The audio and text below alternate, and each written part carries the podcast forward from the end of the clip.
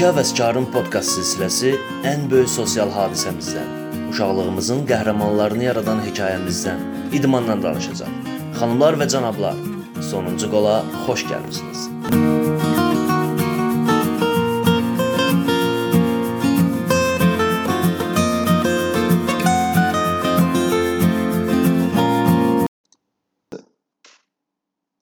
Herkese salamlar. Artıq ilk podkastımızdan sonra ikinci podkastımıza başlayırıq. Bu dəfə biraz hazırlıq və bir neçə mövzumuz var. Mənim ilk mövzum da bundan ibarətdir ki, bu aylar Chelsea oyuna baxırdım elə. Loftus-Cheek çıxdı ortaya. Yəni mən soruşdum ki, nə oldu? Loftus-Cheek oynayır, oynamır? Mən çox ki, çox bəyənirəm Loftus-Cheeki və həddindən artıq ümid bəzi istəyirdim. Ki, bu yaxşı oyunçu olacaq da. Yəni ki, bəlkə gələcəkdə qızıl topla orientə ola bilən bir oyunçu ola bilər. Düşündüm ki, belə ümid bəxş edən və sonradan ortada ortadan yox olan oyunçulardan kim var? Bunu ünvanlamaq istəyirəm ilk Elsəvərə. Elsəvər, fikrin nədir? Ağlında kimlər var? Hal-hazırda, hal-hazırda yox, keçmiş dövrləri nəzərə ala bilərik. Fərqi yoxdur. Nə vaxt istəsən o dövrü nəzərə al. Məsəl üçün mən Marat İsmayılovu qeyd edə bilərdim ki, yəni karyerasına super başlamışdı, sonra onun psixoloji problemləri baş verdi. Yəni Sebastian Daiser misal çəkə bilərik, eyni ilə psixoloji problemlər. Adrianonu deyə bilərik, alkoqolizm. Hal-hazırda istəmirəm qoşulsa, amma böyük ehtimalla artıq görünür ki, Luka Jovic də bu biz dediyimiz sıraya qoşuldu. Bir çox futbolçular var. Əsasən karyeraları düzgün disiplinli olmamaq, ulduz xəstəliyi e, və ən, ən çoxunda da e, düzgün klub seçilməməsidir. Abi başa düşdüm. Sən artıq yəni karyerasında müəyyən bir nöqtəyə gəlmiş ondan sonra olan problemləri qeyd edirsən. Mən biraz məsələyə fərqli tərəfdən yanaşmışdım. Məsəl üçün e, o bir zamanlar wonderkidlər var idi. Mən onlar üzərindən götürdüm məsələni ki, yəni ki wonderkid kimi gö gözlədiyimiz oyunçular artıq gələ bilər, yox yoxdular. Məsəl üçün ilk ağlıma gələn məsəl üçün bu kateqoriyadan Alan Haliloviçdir. Barcelona dedi yeni Messi'dir falan. Həm oraya icarə verdi, buraya icarə verdi, getdi, gəldi. Amma indi bilmirəm oyunçu harda. Deyəsən son zamanlar Hollandiyada bir komandada oynayırdı. Da ondan da əmin deyiləm yəni. Orada tutuna bilib yoxsa yox. Milandan sonra Hamburg Milan, Hamburg açığı mən də bilmirəm indi hardadır. Yəni bilməməyimiz də təbiidir çünki artıq öz adından söz etdirə bilməm. Elədir. Sonra mən bəla bir siyahıya baxırdım. Yəni ki, daha çox FM oynayanlar var, futbol meneceri oynayanların bir şeyi var ki, Wonderkid-lər transfer edirlər. Mən də oturub 2013-dən bəri bir-bir baxmağa çalışdım ki, burada kim var.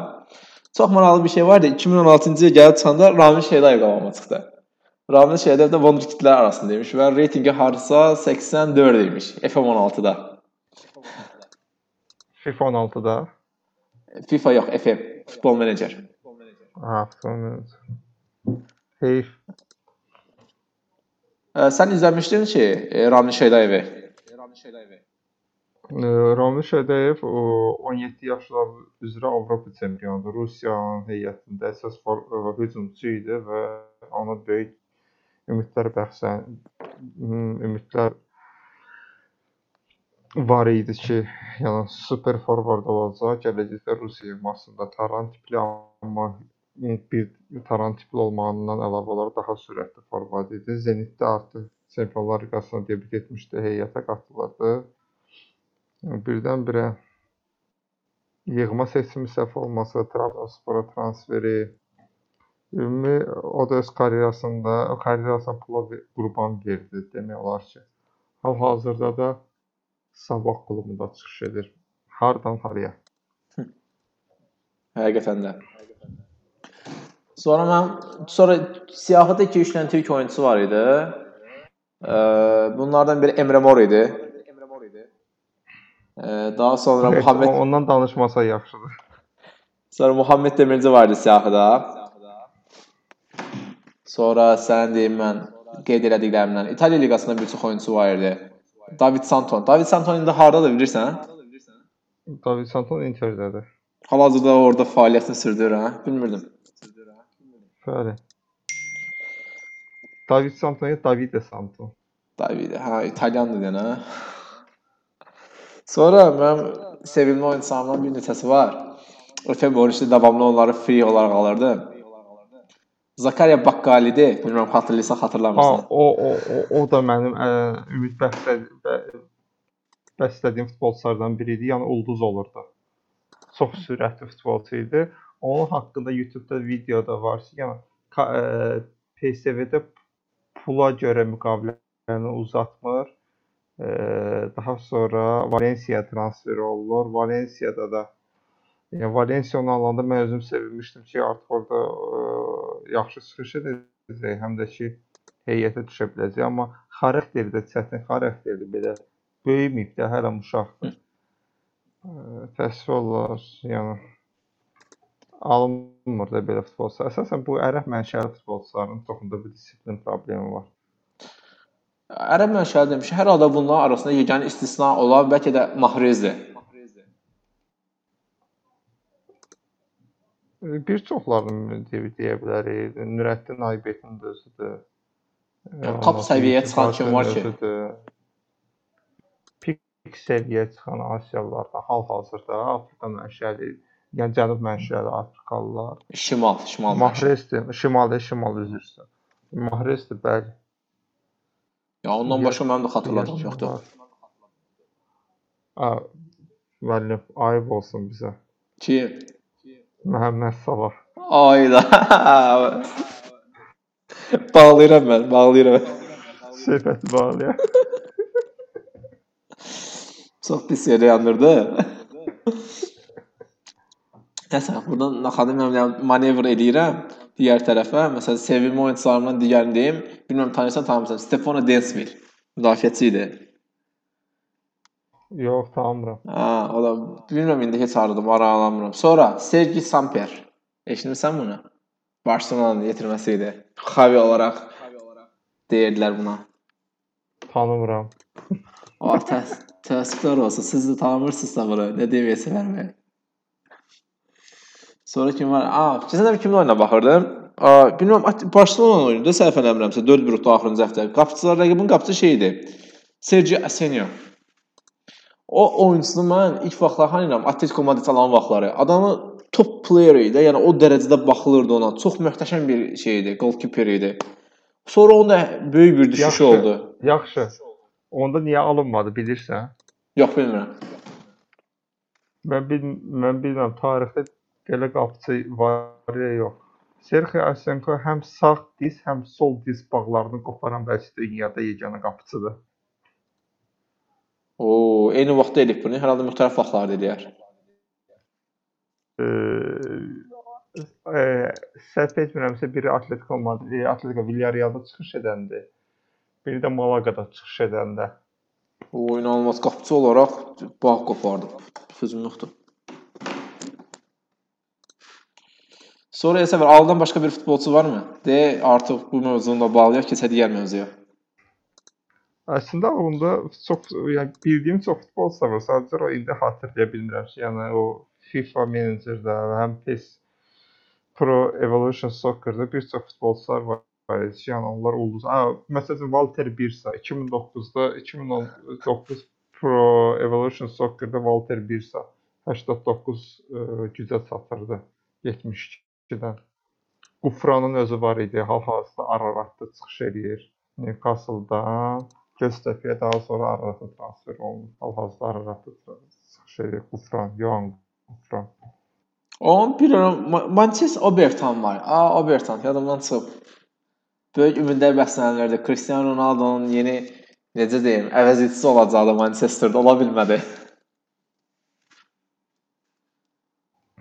O da indi sonra Türkiyə klublarına gəlmişdi. Səhv etmirəmsə harda çıxış edirdi Türkiyədə? İkinci liqada idi. Er Erzurumda idi səhv eləmirəmsə. Hal-hazırda da orada olmalıdır hardasa. Ha, hələ olmalı Ha, idi. yenə də Erzurumspora çıxış edir, amma çox az çıxış edir. Ha, ola bilər. Sonra Milanda bir dənə futbolçu vardı, Bordeaux-dan gəlmişdi, təzən Bordeaux. Yox, Lyondan gəlmişdi, təzən Bordeaux-ya qayıtdı. Müəllim o ulduz oldu, oynadı. Bunun yadda qalan iki mövsümü var. Gurkuf idi də deyəsən. Və Johan Kurkov, ə, Senior Nedior'un ən təəssüfləndiyi oyunçulardan biridir. Mən də çox bəyənirdim. hesab edirdi. Bəli. Nəsə, keçək ikinci mövzuya. İkinci mövzu mən biraz fərqləyən fuck ups momentləri idi. Yəni ki, fuck ups əslində biznes yönümlü bir termindir. Yəni ki, daha çox yəni iflas edilmiş layihələr, uğursuz layihələr nəzərdə tutulur və insanlar bu mövzuda çıxışlar edirlər ki, mən necə uğursuzluq olmuşam. İndi biz də bunu biz futbola uyğunlaşdırdıq. Hansı fuck ups momentlər, yəni ki, uğursuz momentlər, failurelar xatırlayırsan. O Mən Gerrard sənə deyim, mənə görə dünyada bir nömrəli fuck up momentdir və o klubdur. Səncə kimdən bəhs olunur? Ha, klubdur deyirsən. Mənəm çox klub ola bilər. Yəni ki, Malaga ola bilər məsəl üçün. Çox Yox. pul çox pul verildi amma baxdı getdi, failure oldu. Bayer Leverkusen Ha. 2001-2002 mövsümü. Bildim hə. Ölkə Futbol- kubokunun finalı, Çempionlar Liqasının finalı, çempionata 3 tur qalmış lider. 2 ev oyunu özündə, 1 oyun səfərdə, 2 qələbə kifayət edir və hamısını uduzursan. Əslində o biraz fuck up sayılmaz. E. Niyə görə? Çünki orada Leverkusen iddialı klub deyildi yəni. Yəni ki, ya bunların hamısı utsaydı Leverkusen, o bu futbolun şeylərindən olacaq, sürprizlərindən biri olacaqdı. Heç bir sürpriz olmayacaq. Sən deyim ki, 1 il ondan əvvəlki mövsümdə Leverkusen sona sona sona 1 tur qalmış, sona 1 tur qalmış. Yəni 2 99-2000 mövsümündə söhbət gedir. Eee iki xal qabaqdadır. E, heç etsə belə kifayət edir. Bavariya isə qələbə qazansa, Bayer Leverkusen gedir səfərdə uduzur. Bavariya isə öz meydanında udur. və Bavariya çempion olur. Bayer Leverkusen isə bir xal kifayət idi. Ona görə klubun adı elə belə Bayer Lever- Leverkusen Leverkusen Leverkusendən məzəl olaraq Leverkusen deyilmir. Ha, yəni ki, bizim də ad, adımızın gəldiyi komandalardan biri bir də bir ara şey Coverciano Leverkusen olaraq iştirak etmişdik yarışlarda. Davamlı ikinci yer tutduqla, tutduğumuza görə. Ee, Biz arada Coverciano'nun adına əlavələr qeyd edir. Türkiyə klubları kimi sponsorlar əlavə edirik, arada uğur gətirsin. Orası da var. Amma mən sən dediyin nümunəyə mən son vaxtlar şey deyə bilərəm. Ajaxın Ajaxın uzduğu bir çempionluq var idi. Liqadan düşmüş bir komanda idi. Gəldi səfərdə onları 2-1 uzmuşlar və PSV udmuşlar, çempion olmuşdu orada səhv eləmirəmsə. Bəli, bəli. Ajaxın baş məşqçisi də bacarıqlı, belə iddialı dırnaq içində deyirəm Frank de Boer idi. Niyə elə deyirsən? Artıq 4 dəfə o Arzul çempion olmuşdu Ajax-da. Orada itirdi. Mənim üçün o baş məşqçisi falan. Ola bilər. Hətta on məşqçi deyəndə şey, yəni iddialı baş məşqçi deyil. Aa, onunla bağlı bir əhvalat danışım. Demək ki, yaxın dostlarımızdan biri sənə tanıyırsa, hətta bu əhvalatda bilirsən, yanımızda danışmışdı. Demək ki, bet saytlarının birində 2 dənə oyun yazmaq istəyib ki, yəni dəqiq olsun da. Demək ki, biri tapıb Trabzonsporun səfərdə qələbəsi deyil. Yəni çox çətin momentlərdə Trabzon fikirləşib ki, yox, udacaq da Trabzon. Deyib ki, yanına da ki, bir dənə nəsə tapım, yəni 2 koeffisient olsun, belə 1.20-lərdən zat da, zat da, yəni ki, prosta 2-yə vurulsun da pul. Və çox yüklü miqdarda pul qoyub ora. Nəticəni də bildik ki, yəni bu failure oldu, yəni böyük bir fuck up oldu həm də uşaq üçün. Həyatında uduzduğu ən böyük pul idi həqiqətən. Məbləği deyərdi, mənim xəbərim yoxdur məbləğdə. Bilirəm kimdən bəhs olunur. Ki, yəni ay- həmin Ajaxın qələbəsi. Qə- qələbəsini yazmışdı təbii ki. Səhv eləmirəmsə 7000 idisə, yoxsa 5000 idisə 7000 idisə. Yəni belə bir rəqəmdən söhbət gedirdi. Ya çox böyük rəqəm idi. Heçsə. Onu bizə versəydi daha yaxşı olardı. Hə, adamın depressiyaları çəkdiyini xatırlayıram yəni. Ə, sonra məsələn up momentlərdən kim var? Kim var və nə var? 2010 Lampardın qolu Almaniya sayılmıyor. komanda up sayılmaz axı. Və sən məsələn deyim sənə. Braziliyanın öz yerində Almaniya 7-1 uzulması tam konkret fuck upsdır yəni. Bütün ölkəcə. Fakat o ləzzətdir mən. Niyə elə? Yığmasını heç zaman sevməmişəm ona görə. Xoşlanmıram mən onları. Ha, Son illərdə sevilməyə bilər, amma köhnə illərdə sevilirdi yəni. Yox, mənim heç, mən heç vaxt sevmirəm. Xoşlanmıram mən. Yəni sən heç vaxt PlayStation-ı bura- götürməmisən? hə? oynaya oynamaq üçün hər hansı bir mərcə girəndə əlbəttə götürmüşəm, amma sevmirəm o yığmağı. A, maraqlıdır. Məsələn, mən baş məşqçi olsaydım hər hansı klubda, məndə qara dərili Braziliyalı heç çox oynamazdı. Maksimum ağ dərili Braziliya. Heç bir rasizm e, rasizm qeyd etmirəm. Yəni futbolçudan olmuram mənim heyətimdə. Məsələn, mən Ronaldinho heç vaxt heyran olmamışam. Mən Ronaldinho xoşlamıram. Yəni elə tip futbolçuları mən xoşlamıram. Braziliyalıda elə tip futbolçular çoxdur. Yəni görə xoşlamıram yığmağı. A- Açığı desəm Ronaldinho mən də sevməmişəm həyatım boyunca. Həmişə overrated gəlib mənə. Amma yəni ki, futbola baxanları o tip oyunçuları bəyənirdi yəni necə deyim, topla fint eləyənləri. Həmişə xoş gəlib onlar. O mənə həmişə antipatiyam olub. Onun e, onun haqqında e, mə- mənim üçün e, dünya futbol tarixində 2-1 nömrə var. Biri Lava La- Valeri Labunovski, digəri isə Johan Cruyffdur. Johan Cruyffun bunun üçün yaxşı bir şey var. Əgər sən e, topçu deyirsən, can e, canbazlıq edirsən, sənin e, get sirkdə işləginə e, texnika o demək deyil ki, sən topu fırlada bilirsən. Texnika odur ki, sən 5 metrdəki oyunçuya topu düz ayağına ata bilirsən. Texnika budur. Ha, yo, mən bunu biraz fərqli eşitmişdim bu sözünü. Yəni tə, sən dediyin məntiqə gəlir. Deyir ki, deyir uzaqdan gələn bir topu estetik bir şəkildə saxlamaq texnika demək deyil də. Deyir bunu 100 dəfə edib tutuzdura bilərsən deyir. Deyir əsl texnika topu doğru zamanda doğru adama doğru sürətlə atmaqdır. Mən belə eşitmişdim. Yəni eyni məntiqə çıxır, düzdür? Asə e, e, dü- dünənlər yox, sırahərkən mən Johan Cruyff haqqında 35 dəqiqəlik video var idi, ona baxırdım və orada karyerasında həm də işlətdiyi ifadələri bildirirdi. Məsələn, adamın e, çox sadə cümlələri var ki, baxırsan sadə cümlədə, amma fəlsəfəsi daha böyükdür də. Məsələn, A, Cruyff haqqında baxırdım YouTube-da bir veriş 35-37 dəqiqəlik. Yəni e, həm də orada statları var idi. Yəni o statlara e, dinləyəndə, yəni birisi cümləli və ya da ki, qısa cümləli sözlərdir, amma nə qədər böyük fəlsəfəsi var. Misal gətirmək istəyirəm. Məsələn, Cruyff deyir ki, mənim komandamda müdafiə hücumda hücumçudan e, hücum isə qapıcıdan başlayır. Çox sadə sözlərdir, amma fəlsəfəsi görürsən nə qədər böyükdür. Yəni oyun fəlsəfəsini qeyd etmək. Hmm. Aydındır. Məsəl üçün gəl oyunçu baxımından ən böyük fakaplardan biri məsəl üçün mən, mənim xatırladığım şeydir. Gerardın ayağını sürüşməyidir. Gerardın ayağını sürüşməyidir. O Demba Mən Banı o mənim məşhur. heç yadımda deyil. Mən oyuna ümumiyyətlə baxmamışam. Mən Sən- 3-4 ildən sonra həmin Mamit haqqında xəbərim oldu. Oyuna mən də baxmışam. O çox populyar olmuşdu da. Yəni ki, adamlar çempionluğa bir ümidləri var idi. Gerardın ayağı sürüşdü. Əfsanəvi kapitanın. Və Hə. gözəl baş məşqçi. Onda kimi demişdi? Rodgers idi səhv eləmirəmsə. Brendan Brendan Rodgers. Onu da bəyənmirsən? Yox, o sadəcə axırını gətirə bilmirdi o baş məşqçidə. Niyə Celtic adam çempion oldu? Komanda Malik Şotlandiya çempionatı 12 komandalı. 50% şansın var da yəni. Celtic adama mövsümün ortası Leicesterdən təklif gələn kimi Celtic deyir, "Davay sağ olun, mən getdim." Komanda. Yəni mən də gedərdim də yəni də. O professional futboldur yəni.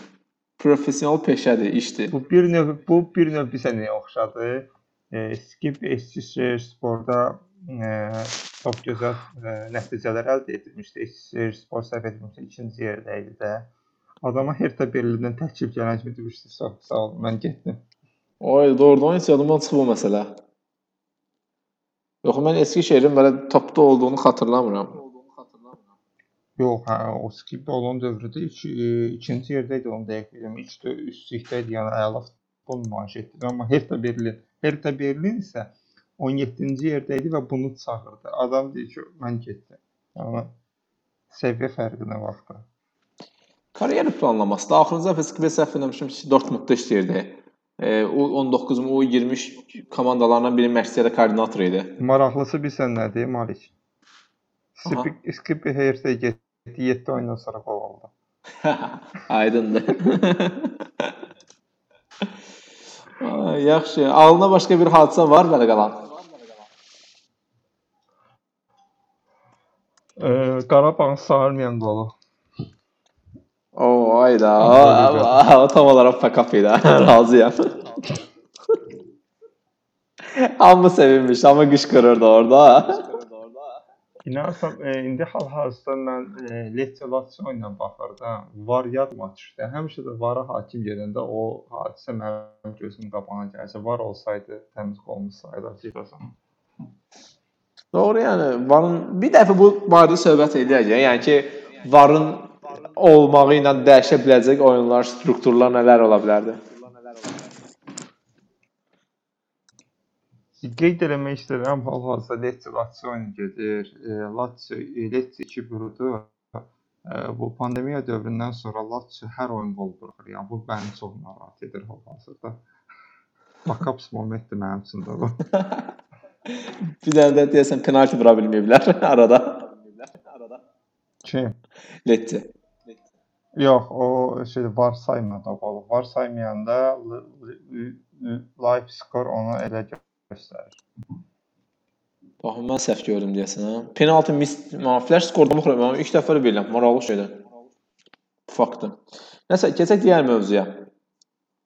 Yəni, mən dəqiqələrdən baxırdım, yəni olmuyor. Aha, mənim kapitanım, mənim qəhrəmanım, məşhur kapitanlar. Və kim ola bilər məsələn? Məşhur kapitanın kimdir? Kapitan deyəndə ağla kim gəlir? Hayır, etmə, sən o çakma sol tərəfdəki oyunçunun sonradan çevrilib sentral müdafiəçi olduğu adamı deyəcəksən də. Sentral müdafiəçi olduğu adamı deyəcəksən də. Xeyr, Şəmkirin kapitanı Mehman Yunusov. Sarfay biri. Qəşəng, qəşəng. Yoxsa atadan oğula keçən bir kapitanlıqla Milandakı Maldini deyəcəyimi nəzərdə tuturdum mən də. Mən Maldini qeyd edəcəm. Maldini'nin kapitanlığının, e, yəni kapitan rolunun nə qədər böyük olduğunu sənə çox sadə bir şey deyəcəm. De. E, 2004-2005 mövsümüdür. Milan Piacenza oyunu gedir. Maldini e, oy- ehtiyat oyunçular sırasında Piacenza 1-0 olur San Siro'da Milan'a. E, ikinci hissə başlayır. Hardasa 52-ci, 53-cü dəqiqələrdə yenə eyni ilə Piacenza'nın dominan- dominantlığı ilə oyun keçir. Milanın heyəti də həmin heyət Zedor, Kaka, e, Shevchenko, Gilardino, yəni əsas heyət də hamısı əfsanəvi heyət. Stam, Cafu, Nesta. E, Ancelotti 55-ci dəqiqədə Maldini ilə oyuna salır. Maldini oyuna daxil olur, müdafiəçi oyuna salır və oyun dəyişilir. Maldini başlayır komandanlıq eləməyə. Hesab 1-1 olur, qələbə topunda Maldini vurur. Tanınığın böyüklüyünü görmür. Aa, mən oyunu xatırlayıram. Deyəsən səhv eləmirəmsə, Maldini 700-cü mü yoxsa 600-cü mü oyunu idi. Həyatında ilk dəfə bir oyunda dubl eləmişdi, 2 gol vurmuşdu. Belə bir fakt xatırlayıram mən. 600 ola bilməz. Yəqin 500 600-cü oyunu olar. Çünki 683 oyun oynayıb seriyada. 683 deyil, 684 Buffon indi yenilədi onu. Hə, bilmirəm, ki, onu xatırlayıram. Amma mən sənə deyim ki, Mil- Milan tərəfdarları Maldini sənə qədər sevmirdi, yəni ultrasları. Ultraslar sevmir bəli. Niyə sevmirdi? Böyük kapitanımız, niyə? Qeyd edim də, çünki Maldini e, ultrasına heç vaxt yola getməyib. Səbəbi də odur ki, məsələn, o heç o ultrasın tərəfindən tutmayıb Parisdən fərqli olaraq. Məsələn, m, onun işlətdiyi bir ifadə var idi. Hardasa 90-ların ortası idi. 90-lar yox, 2000-lərin əvvəl. Ultras e, Berlusconi-dən Milan rəhbərliyindən qeyd edilmiş ki, Ult- Ultrasa pulsuz biletlər verən biz sizi dəstəkləyirik də. Maldini belə ifadə işlətmişdi əsla var rəhbərlikdən nəsə tələb eləmir. Əksinə komandasını dəstəkləyir və çıxır gedir. Bu ifadədən sonra onlar arasında ki, artıq e, yəni Ultrasa Maldini arasında çatışma var idi və Maldini'nin son vida oyununda da San Siro'da ona e, pankart açıldı ki, e, bizim bir kapitanımız var, o da Barezidir. Yəni belə Lordi dediksə yeri yox idi o hərəkətin. Çünki illər boyu sənə xidmət etmiş, klubunu dəyişməmiş, sənə çempionluqlar qazandırmış bir oyunçuya qarşı belə etmək lazımdır. Ümumiyyətlə mən ultra sevməyənəm. Şəxsən mən, mən ultra sevmirəm ümumiyyətlə futbolda. Ol- Onlar azarkeş deyirlər də, bir şey deyim məsələn. O ultras azarkeş deyil. Onlar tamam başqa təbəqədir. E, bir şey də qeyd edim ki, PSG-nin də çox məşhur ultrası var idi. Ərəb şeyxlər gələndə hal-hazırda onun haqqında sənədli film də var. Heç bir ultrası PSG, PSG öz oyununa buraxmır. Hamısını Hı. diskvalifiyə edib. Mən ultrasların tərəfdarı deyiləm. Bunlar amma təəssüf olsun ki, Bolqarıstanda, Balkanlarda amma ultrasın qüvvəsi, İtaliyanın özündə də ultrasın çox böyük qüvvəsi var. Çox sadə bir şey deyim. Məsələn, Levskidə belə bir şey olmuşdu. Ultras e, baş məşqçinin formasını, yəni Spartinin əynindən çıxartdırmışdı. Partizan kapitanını yanlarına çağırmışdı. Kapitanlıq bandını əlindən almışdı. Sən kapitan deyilsən. Ultras tərəfdarı deyiləm mən. Əsl azarkeş, onlar əsl azarkeş deyillər. Məni öldürə bilərdilər İtaliyada bu sözləri üzrə. Yo ultraslar həqiqətən fərqlidir. Mən düzdür, mən Maldini məsələsini fərqli xatırlayıram. Mən o Liverpool söhbətindən 3-0-dan 3-3 olan oyundan sonra bildiyim qədər nəsə bir şey demişdi. Və Milan tərəfdarları ona görə şey eləməmişdi, bəyənmədilər Maldinin şeylərini. İkinci bir məsələdir, yəni ultraslar razıyam. John Foot'un bir kitabı var, Calcio deyilən, İtalyan futbolu haqqındadır. Orada ultras haqqında çox böyük şeylər var da. Onların necə siyasətə daxil olduqları, futbolu necə manipulyasiya elədikləri, komandalar üzərində necə rollar oynadıqları haqqında çox geniş şeylər yazılıb. Yəni mən oxuyanda inana bilmirdim də, yəni bunun arasında bu qədər rəqabət var. Sonra əlavə bir oxumaq istəyənlər var. Twitterda Cem Güntekin deyilən biri var. Jason McAteer belə bir şey var, nickname-i var. O İtalyan ultrası haqqında çox geniş, nə İtalyan, yəni dünyadakı ultrası haqqında çox geniş fludlar eləyir. Yəni mən çox bəyənirəm onun fludlarını. Yəni Roma ultrasları, Lazio ultrasları, hətta bu yaxınlarda Elsəvərə də atmışım, sənə də atmışım Elsəvər. E, Roma məşhur bir ultrası var idi. Bir ərəbcə ad seçmişdilər özlərinə. Mən xatırlamıram indi, o çox maraqlı bir yazı idi. Xatırlayırsan o yazını? Yox, ya, ya hatırlamıramsa mən onun haqqında nəsə atmışdım. Ha, yəni göndərirəm. Nəsə bir ərəbcə bir ad idi, yəni nəsə ad qoymuşlar özünə. Nəsə baxıb sonradan xatırlayıb deyərəm amma mən. Sonra məşhur kaptanlar Maldini'dən sonra kim ola bilər? Məsəl üçün.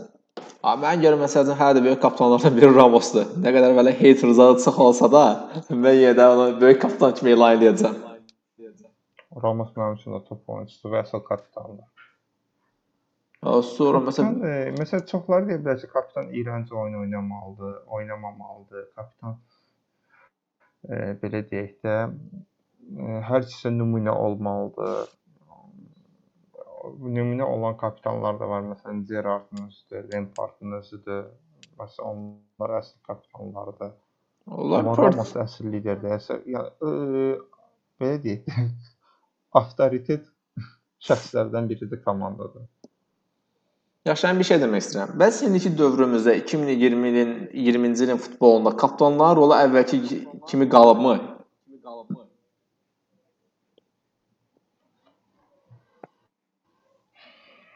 Faiz nisbətindən deyə bilərəm də. Əvvəllər e, 90% kapitanlar böyük təsir edə bilirdi ki, kluba, amma məncə indi 50-nin 50-yə bəlkə 40-ın atmışam. Məsələn, Kai Havertz 19 yaşında Bayer Leverkusen kapitanlığını verir və ya da 14 19 yaşında Fernando Torres kapitanlıq verilir.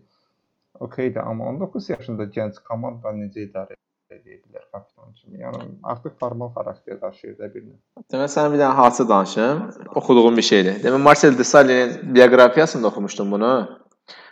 Adam deyir ki, artıq Chelsea-yə transfer olmuşdum və bir il sonra səhv eləmirəmsə kapitanlıq vermişdi Marcel Desailly'yə. Deyir ki, mən kapitan olmaq istəmirdim, amma birdən-birə bu məsuliyyət gəldi və həddindən artıq deyir, həyatım dəyişdi deyir. Yoxsa Fransa kapitanı olduqdan sonra mı bunu danışır? Deyir ki, başladım mən sponsorlarla görüşə getməyə. Artıq deyir orada finansi məsələlər var idi, pul məsələləri var idi, görüşlər var idi, tərəfdar qrupları ilə biznes yeməklərinə gedirdim. Yəni o zaman kapitanları çox fərqli idi. Yəni ki, komandanın birbaşa idarə etməsinə qarışa bilirdi. Yəni bu dərəcə şeylər var idi. Hətta sən bilərsən, yəni Milanın məşhur bir şeyi var, stolu var. E, nə gedirdi onun adı? Necə? Milan məşhur bir stolu var idi. Həmişə kapitanlar və ya komandanın ağsaqqalları otururdu orada. Hətta deyirlər Fatih Terimi həmin o stol qovdurmuş, stol qovdurmuşdu. Zadəganlar, hə, zadəganlar. Zadəgan. Ya Ya- bir şey deyim də, kapitanlar futbolçuların e, kapitan e, ümumiyyətlə komandanın bir növ atası kimidir də, ya da böyük qardaş kimidir. Məsəl üçün Türkiyədə bu hələ də davam edir də. Məsələn, futbolçu maaş artımını və ya da ki, maaşların gecikməsində deyəndə ki, kapitan deyir, kapitan get bizə başqanla danış və ya da ki, baş məşqçi ilə danış, ya da ki, rəhbərliklə danış. Türkiyədə hal-hazırda onsuz da belə işləyir bu. Amma önəmi əvvəlki önəmi o qədər də qalmır. Məsələn, mən xoşlamıram məsələn oyunçu məsələn Mercedes oyunçu gəldi bir il oynadı götürüb ona kapitanlıq verirlər.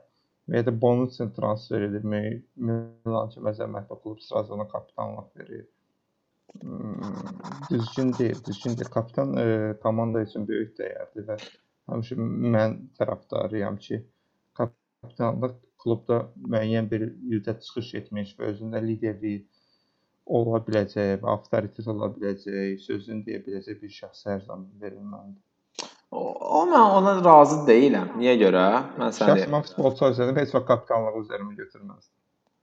Bax mən niyə razı olmadım deyim. Barselonada ümumiyyətlə kapitanlıq illərə görə bölünür. Məsəl üçün kim çox oynayıbsa o komandada ona verilir. Məsələn o çıxdı getdimi? Sonra Real Madriddə də elədi. Real Madriddə də elədi. Real Madrid bəlkə də. Yəni Barselona yəni bu çoxdan Real var. Madriddə Yəni, məsələn vitse kapitan niyə Marcelo idi? Üçüncü kapitan Ronaldo Marcelo Ronaldodan daha çox çıxış edir. hə, yəni məsələn Bar Messi 15 ildir Barselonada oynayır. Hələ keçən il kapitan ola bilmişdi məsələn. Belə bir şey var idi. Onu xatırlayıram məsələn. Bir-bir yəni şey amma məsəl üçün bu yaxınlarda bilmirəm. Yəni hansı oyunçu getdi kluba və çıxartdılar ona kapitanlıq verdilər. Yəni oyunçunun belə inanılmaz bir dəyəri yox idi. Sadəcə olaraq adamın liderlik qabiliyyəti çox yüksək idi.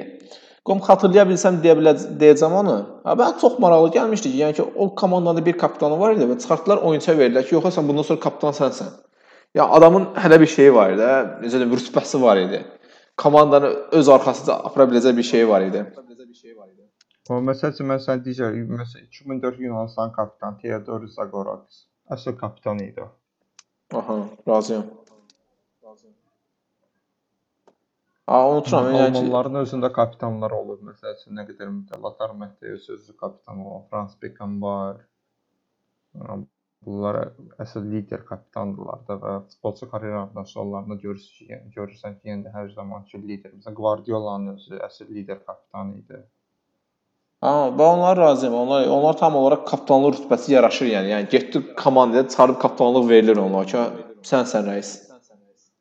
Əlbəttə. Ə, Məsələn, Del Piero kapitan, mən Del Piero elə də kapitanlıq saymıram. Totti yenə də mənim üçün top kapitan. Məncə De Rossi daha şey idi, cool idi o kapitanlıqda. De Rossi, De Rossi daha kapitandır mən sənin. Aha. Mən razıyam ona. məndən. Alessandro Nesta'nın özü 22 yaşında, 21 yaşında kapitanlıq verirdi. E, Alessandro Nesta e, öz müsahibəsində qeyd edir ki, isə Lazio-na artıq Milanın transfer olunması. Sadəcə 2003 mövsümündə artıq vəziyyət elə də yaxşı deyildi. Futbolçular hamısı maliyyə sıxıntısı var idi. Qaysqa Mendieta transferinə görə. Futbolçular artıq deyir, mən hər zaman ya İtaliyada da Türkiyə e, Türkiyə tipli yəni kapitana oyunçular öz dəftərinə deyir. Bir hər gün məşqə gəldim. Oyunçular məndən deyirdi ki, əmək haqqların oldu, əmək haqqların oldu Alessandro. Deyirəm mən bunları dözməyərək artıq Milan transfer oldum, artıq yorulmuşdum, bezmişdim bu suallardan. Hmm, Ronaldo. Məsəl üçün ağlıma qalan kapitan Didier Deschamps. Məsəl üçün adamı həmişə kapitan Digər olaraq. Deşam əsl kapitandır. Yəni mən həmişə kapitan olaraq təsəvvür edə bilirəm adamı. Başqa cür təsəvvür edə bilmirəm yəni. Adamın Kapitandır. forması elədir. Məsəl üçün e, Braziliya Fransa oyunun e, oyuncu dəyişmə otağında 15 dəqiqəlik var. O videonu mən sənə ataram. Ha. Ya adam paltar Emil Jacques qıraqda durur, hamısını Didier Deschamps danışır oyunçularla. Hər birindən danışır. Yəni baxırsan əsl kapitandır da. Hmm. Ya razıyam yəni ki, deyirəm hələ rütbələr var. Adam Zidana göstəriş verir. Və Zidane məsələn kapitan olaraq təsəvvür eləmək olmur. Ha, mən də deyirəm, məsələn, Del Piero-da mən kapitan kimi təsəvvür bilmirəm. Eyni. E, Daha bir kapitan, Roy Keane kapitanı. Roy Keane məsələn Cannavaro. Ha, məşhur 2006 Cannavaro kapitanı. kapitanıdır. Cannavaro kapitanıdır. Məsələn son vaxt indi hal-hazırda Almaniyanın kapitanı kimdir? Yığmanın. Ağlıma gəlməz, mənim də ağlıma gəlmir. Aa, Lamdan sonra Lam da kapitandır mən sənin deyim. Lam da. ha. Bir kapitan kimdir? Aa, heç ağlımıza gəlməz məsələn hal-hazırda kimdir. Hər halda Neuer zad olar da bir ehtimalla. Ha, Neuer deyirlər. Elə Neuer. Ha, ha. Neuer. Başqa kapitanlar fikirləşirəm. Başqa kapitanlar. Mən Messi də kapitan deyil, mən sənə deyim. Ya deyirəm də Barselonada o tamam fərqli sistemdir məsələn. Məsələn, Valencia-da kapitanlıq edib Dani Parejo, o da kapitan deyil. O da uzun müddətdə oynayır ha. Javier Zanetti kapitandır. Ha, razıyam. Məsələn indi hal-hazırda Milanda kim? Romagnoli'dir. Romagnoli kapitandır. Maalesef kapitandır. Liderdir. Həqiqətən liderdir. O elə də razıyam onunla. O da məşhur FM oyunçularından biridir. Amma o parladı xeyli. Görə bu il transfer eləsə özünü çıxarda bilsə Milandan, gələcəyi parlaqdır. Məncə bizdə Milanda bildiyində hal-hazırda Ralf Rangnick baş məşqçi təyin olundu artıq rəsmidir. Həm idman direktoru, həm baş məşqçi, həm transferləri idarə edən şəxs. Yekun söz sahibi həmişə odur. Artıq odur da, yəni heç kəs müdaxilə edə bilməyəcək. O şərtlərini və şərtlərini qəbul olundu. Yəni e, supermarket olacaq da bu transfer transfer mərhələsində Milan çox oyunçular göndərəcək Rafa. Məsələn, mən dəqiq də İbrahimovic falan deyir bura komandada qalmayacaq. İşləməyəcək Rafa onlarla. Sonra çox oyunçu var, yəni ki, lazımsız Milanda. Hər yerə alıb qoymuşdunuz, bir qıraqlı saxlayırdınız. Arada tozunu silirdi ki, məşqçilər. Son 8 ildir ümumiyyətlə Milanın transfer politikası. Milanın transfer politikası o qədər güclü olmayıb. Yəni Galliani çox buraxdı. O qədər sərt transferlər. Yəni o Milan Milan vaxtında da. Yəni, heç vaxt top transfer edən klub olmayıb. Onu deyim. Belə deyim ki, mən də razıyam. Açıq B tipli oyunçular transfer edib həmişə Milan. Heç vaxt o top ulduz transfer eləməyib nədənsə. Çünki Zido fırlandı gəldi, yəni o birisi klublardan zatdan orta səviyyə, yəni o düzü top player deyildi, gəldi ora. Məsələn Kaka sonradan məsələn top player oldu. Shevchenko məsəl üçün Dinamo Kievdən olmusan da, yəni ki, düzü əlində sən biçdi, elədi, satdın. Amma həqiqətən top player heç vaxt almayıb Milan. Bəlkə də alıb, o da batıb gedib bilmirəm, amma xatırlamıram mən. Deyim top player. Ne Nestan deyəcəksən? Gəldirəcəm. Hə? Nestan deməyəcəksən? Yox, Rivaldo. Hayda. Hə, yaxşı, Ronaldo da deyərsən sən də. Ronaldo yaxşı gəlmişdi, diz bağını qopartdı. Ha, orada da sizin oyuna 6 top vurmuşdu. Inter özü bir dənə gol vurmuşdu o derbidə. Çox dəhşət gol idi. Debüt oyunundaydı, səhv etmirəmsə. Yo, debüt deyildi. Bir neçə həftə keçmişdi oyundan. Mən Martın neçə dəqiqədə danışırıq. Bücə 38 dəqiqə danışırıq yəni. Kifayətdir məncə. Məncə kifayətdir ha. Güya mən NBA əlavə eləmişdim bura ki, biraz NBA başlayacaq 20 Danışa günə. bilərik, danışa Da- bilərik. Yəni NBA-nin hal-hazırki situasiyasını mən bilmirəm. Mən prosta keçən dəfə sən yaxşı bilərsən. Netflix-də bir dənə Chicago Bulls şeyi var idi. Dokumentarisi var idi. seriyasına gözləyir. Hər seriyasına baxırdım. Yəni iki seriya baxırdım, gözləyirdim həm 2 həftənin ki, 1 həftənin ki, növbəti seriyalarını falan. Səbirsizlə gözləyirdim. Məsəl üçün niyə görə mən bunu şey elədim? Demək ki, sən Rodmanın bir dənə belə çıxışı var idi. Deyir ki, dövr hələ bir dövrdür ki, yəni ki, deyir ki, Anthony Davis gəldi Lakers'a, hələ deyir Scottie Pippen'ın Jordan yanındakı rolunu verən NBA-də oyunçu yoxdur da. Deyir mən həmişə deyir Pippen alardım Jordan yanına, nə LeBron James alardım, nə Wade alardım. Deyir Pippen çox fərqli idi. Mənə gəldi ki, biraz Rodman overrated yanaşır da bu məsələdə. Yəni, yəni ki, düzdür, vaxtında çox böyük işlər görüblər, amma inanmıram da, yəni bu Scottie Pippen fərqli bir oyunçu olub da indiki top ulduzlar səviyyəsində də daha inanmıram ki, olar. İndiki top ulduzu daha fərqli bir yerdə olarlar. Sən nə düşünürsən? Scottie Pippen əfsanə bir oyunçudur. E, Michael Jordan olmayan mövsümü, yəni 94-95-i Chicago Bulls-u tək başına play-off'a çıxarmışdı. Hmm.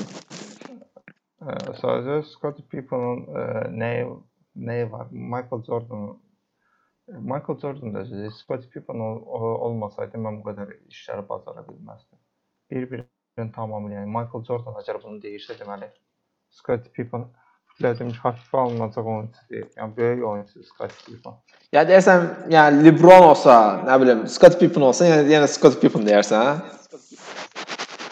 Yox, əlbəttə ki, əlbəttə ki, LeBron. Hə, da ayrı məsələdə. Əlbəttə ki. E, İkinci dəfə otururam şeydən. Amma mənim üçün, amma mənim üçün Aha. Kobe Bryant'dır. Vay Kobe sən də Black Mamba'dısan da onda. Adam məni bir sənə qədər yaralayıb Türkün məsələyi. Niyə? Nə barədə? Lebron Le, Lebron'u sözüm yoxdur. Məsələn Lebron, Lebron'u e, Antetokounmpo Antetokounmpo deyirdilər. Bu mövsümdə e, Los Angeles Lakers Milwaukee Bucks oyunu oldu. O görüşdən əvvəldə e, görüşdən e, neçə 3 tur əvvəl e, Antetokounmpo'nun bir hərəkəti var. Yəni başına tac qoyurdu. Yəni kral artıq mənəm də. Və ne, Los Angeles Lakers Milwaukee Bucks oyunu. LeBron təkbətək Antetokounmpo ilə oynayır. Nə müdafiədə göz açmağa imkan, nə hücumda göz açmağa imkan verir. Müdafiədə də pərəm-pərən eləmişdi Yanisi də. Yəni LeBron həm fizik, həm oyun oxuma baxımından oyunu oxuya bilir. Çox gözəl zəkası var. Oyunu oxuya bilir. Yəni əvvəlki LeBron da tamamilə başqa LeBrondur artıq. Yəni iki addım qabaqdan fikirləşə bilir. Çox böyük oyunçudur həddən artıq. Nə qədər sevməsəm də mən LeBron tərəfdarı deyirəm, amma böyük oyunçu olduğundan qəbul edirəm. Ya anladım. Yaxşı, mən sənə deyim, neçə il NBA izləyirsən də, yəni məndən daha çox izlədiyin dəqiqdir. Yəni ki, bu Chicago Bulls-dan sonra məşhur komandalardan ağlında kim var? Yəni ki, həqiqətən iz qoyublar. Mənim ağlıma gələn yeganə şey Spurs-da hal-hazırda, məsələn, müəyyən bir dövrə əhatə eləmişdilər. Sonra Lakers var deyəsən, bir dövrə əhatə etdilər. Shaq-la Kobe Bryant bir yerdə. 2003-2004 Detroit Pistons-dur. Yəni heç kəs gözlənmədən gəlib çempion olmuş. Iverson dövrü idi o, səhv eləmirəmsə. Xeyr, Iver- Iverson dövr deyirdi. Yəni o sırf komanda oyunu orada gedirdi hal-hazırda. Türklərdən də yeganə e, çempion olan Mehmet Okordur ki, həmin heyətdə idi onun qızılı Yəni yadıma gəlir, sonra şeyə getdi. o, Utah-a getdi. Utah Jazz-a getdi. Həm də ki e, NBA-də türk türk basketbolçular rekord onda ki, bir oyunda 43 xal atmışdı. Səhv etmirəmsə həmin oyunda 9 dənə üçlük yerinə yetirmişdi. O, yəni Hidayət Türkoğlu 43 atmayıb hal-hazırda. Mən bilmirəm Yox, keçmiş. Hidayət Türkiyə olan rekordu 41-dir. Aa, aydındır. Anyway, maraqlıdır. Hida Türkoğlu mənim arxamda maç azarkeş olmamın səbəbkarıdır. Təbrik edirəm. Yaxşı, sənin bir dənə sual. NBA-də oynayan ilk türk basketbolçu kimdir? Səhv edirəmsə Mirsad Türkçan O, olmalı. alqışlayıram. Həqiqətən bir NBA lover olduğumu görə bilirəm Yasəvər. Çox sağ ol. Yəni Detroit Pistons ağlımda qalan. Sonra kim var? O, he, əlbəttə ki 2011 Dallas Mavericks. Heç kəs gözlənilmədən Dirk Nowitzki Dallası çempion edir. İyi e, bir şey qeyd edirəm. Dallas məşhur Miami Heat finaldadır. Hansı Miami Heat heyətində Dwayne Wade, LeBron James, Chris Bosh var. Aa, ilk ikinci il idi də. Yox, ilk illəri idi. İlk illəri idi. İlk illər idi. Yox, ondan əvvəlki mövsüm çempion olmuşlar. Yox, onlar ilk mövsüm ola bilmədilər. şey Sonrakilər mövsüm çempion oldu səhv eləmirəmsə. Çünki Sənə bir şey deyim. de. Üçüncü oyunda, yəni o seriyanın bütün oyunlarına canlı baxmışam mən. Yuxuma haram qataraq. Aha. Üçüncü oyunda Dirk Nowitzki 40 dərəcə qızdırmada 43 sayı atır. Aa, xatırlayıram onu. Hə, o e, şeyi Adam xatırlayıram. ayaq sıdıra bilmir. Aha. Hər dəfə gəlib e, ehtiyat oyunçular skamyasında oturanda sən ona fikir verməli idin də. Mən sə- durur 40 da. Səhvəmsə düzəlt. Həmin komandada Jason Kidd var idi, yoxsa yox? Bəli, Jason Kidd var idi. Deyirəm, yəni ki, orada Nowitzki yanında bir dənə partnyor olduğu xatırlayıram, yəni tək deyildi o. Amma Nowitzki də həll elədi də hər şey. Aa, təbii. Sağ ol Dallas. O Jason Kidd var idi, Sean Marion var idi. Aa, Marian. O da, o da US millisində şey oynamış oyunçudur. O çox qəribə üç yatmağı vardı. YouTube-da ki, point siyasi, yəni elə üçü atma, yəni elə iyrənc üçü yatma olması da, yəni estetika cəhətdən çox iyrəncdir. Estetika cəhətdən Zə Şəkəryanın məşhur bir şey var, e. Free point atmağı var idi. Əlini topa alır, ovucunun içinə tullayır. Görmüsən o videonu? Bəli, bəli. bəli. Orada mənim üçün şeydə bir anlardan biri idi. Yaxşı, Sonra- NBA-də e, MDB məkanının sənəsindən xoşlanan basketbolçu. A, MDB məkanı deyirsən yoxsa Avropa? MDB. A, MDB mənim ancaq ən məşhur Krylenko ağlımda qalıb. Ondan o tərəfə mənim köhnə dövrlərdən odur. Müasir dövrlər gəldikcə heç ağlıma oyunçu gəlmir. Yəni Litvaniyalılar, Latviyalıların zətdə kimsə olardı hər halda. Dra Dragic yox, Dragic Sloveniyadır. E, Krylenko NBA-da yeganə e, rekordun sahibidir. E, 10 plus xal, e, 10 plus assist, 10 plus e, rebound, 10 plus blok, 10 plus top çalma A, bir oyunda. ay mümkün deyil. Mənim baxışıma. Buna həqiqətən baxacağam, ancaq inanmıram ki, belə bir statistika olsun. Var, var, var. Bax. 5 plus 5 plus inanaram, amma 10 plus daha qeyri. 10 plus. 5 plus ola bilməz axı 10 plusla gedir hamısı. Triple double zət hamısı 10 plusla. Yo, bu gün çünki bu bu il bir dənə şey izləmişdim. Bir dənə oyunçu bütün statistikaları 5 plus idi. Dedilər nə neçənci ildən bəri ilk dəfə olur da. Bütün hamısı göstəricilərdə hamısında 5 plus eləyib bu. İndi mən sənə dəqiq deyirəm rekordlarına. Amma dəqiqdir mən. Yəni yaxşı, mən saxlayıram rekordu və buna baxıraq və davam eləyərik. Yaxşı, sən bir sual. Qayıtdı. Yəni ki, həmin Qoy, statistika qoy, fikirləşim də biri o idi, biri hansı idi də, yəni o birisini tapmalıyam axı. Yəni mən hal-hazırda deyim ESV nə barədə fikirləşir. E, demək ki, NBA-yə ən çox bir nömrə verən oyunçu 1981-dən bəri hansı şəhərdir? Hansı hansı şəhərdir? Ya ESV D mənə də maraqlı idi. Bilmirdim bunu. Bu Lagos şəhəridir, Nigeriyadır. Kim var bu aralardan? Deyə bilərsən misal üçün. Ee, hakim olacağında indi digərini tapmaq istəyirəm. Yadımdan çıxıb. İkinci Nigeriyalı, ha? Nigeriyalı olublar Allah. Bəli, bəli, bəli. Deyəcəm indi bir də e, bir dəqiqə gözləyəcəm sonra. E, ESV onu fikirləşdim, mən də nə deyim? ESV-nin bayaq dediyi Krylenko məsələsi səhv oldu. Mənim dediyim düz oldu. Yəni ki, 5 plus edib Krylenko, 10 plus eləməyib. Və bu da həqiqətən NBA-də 3 dəfə edib. Çox maraqlıdır.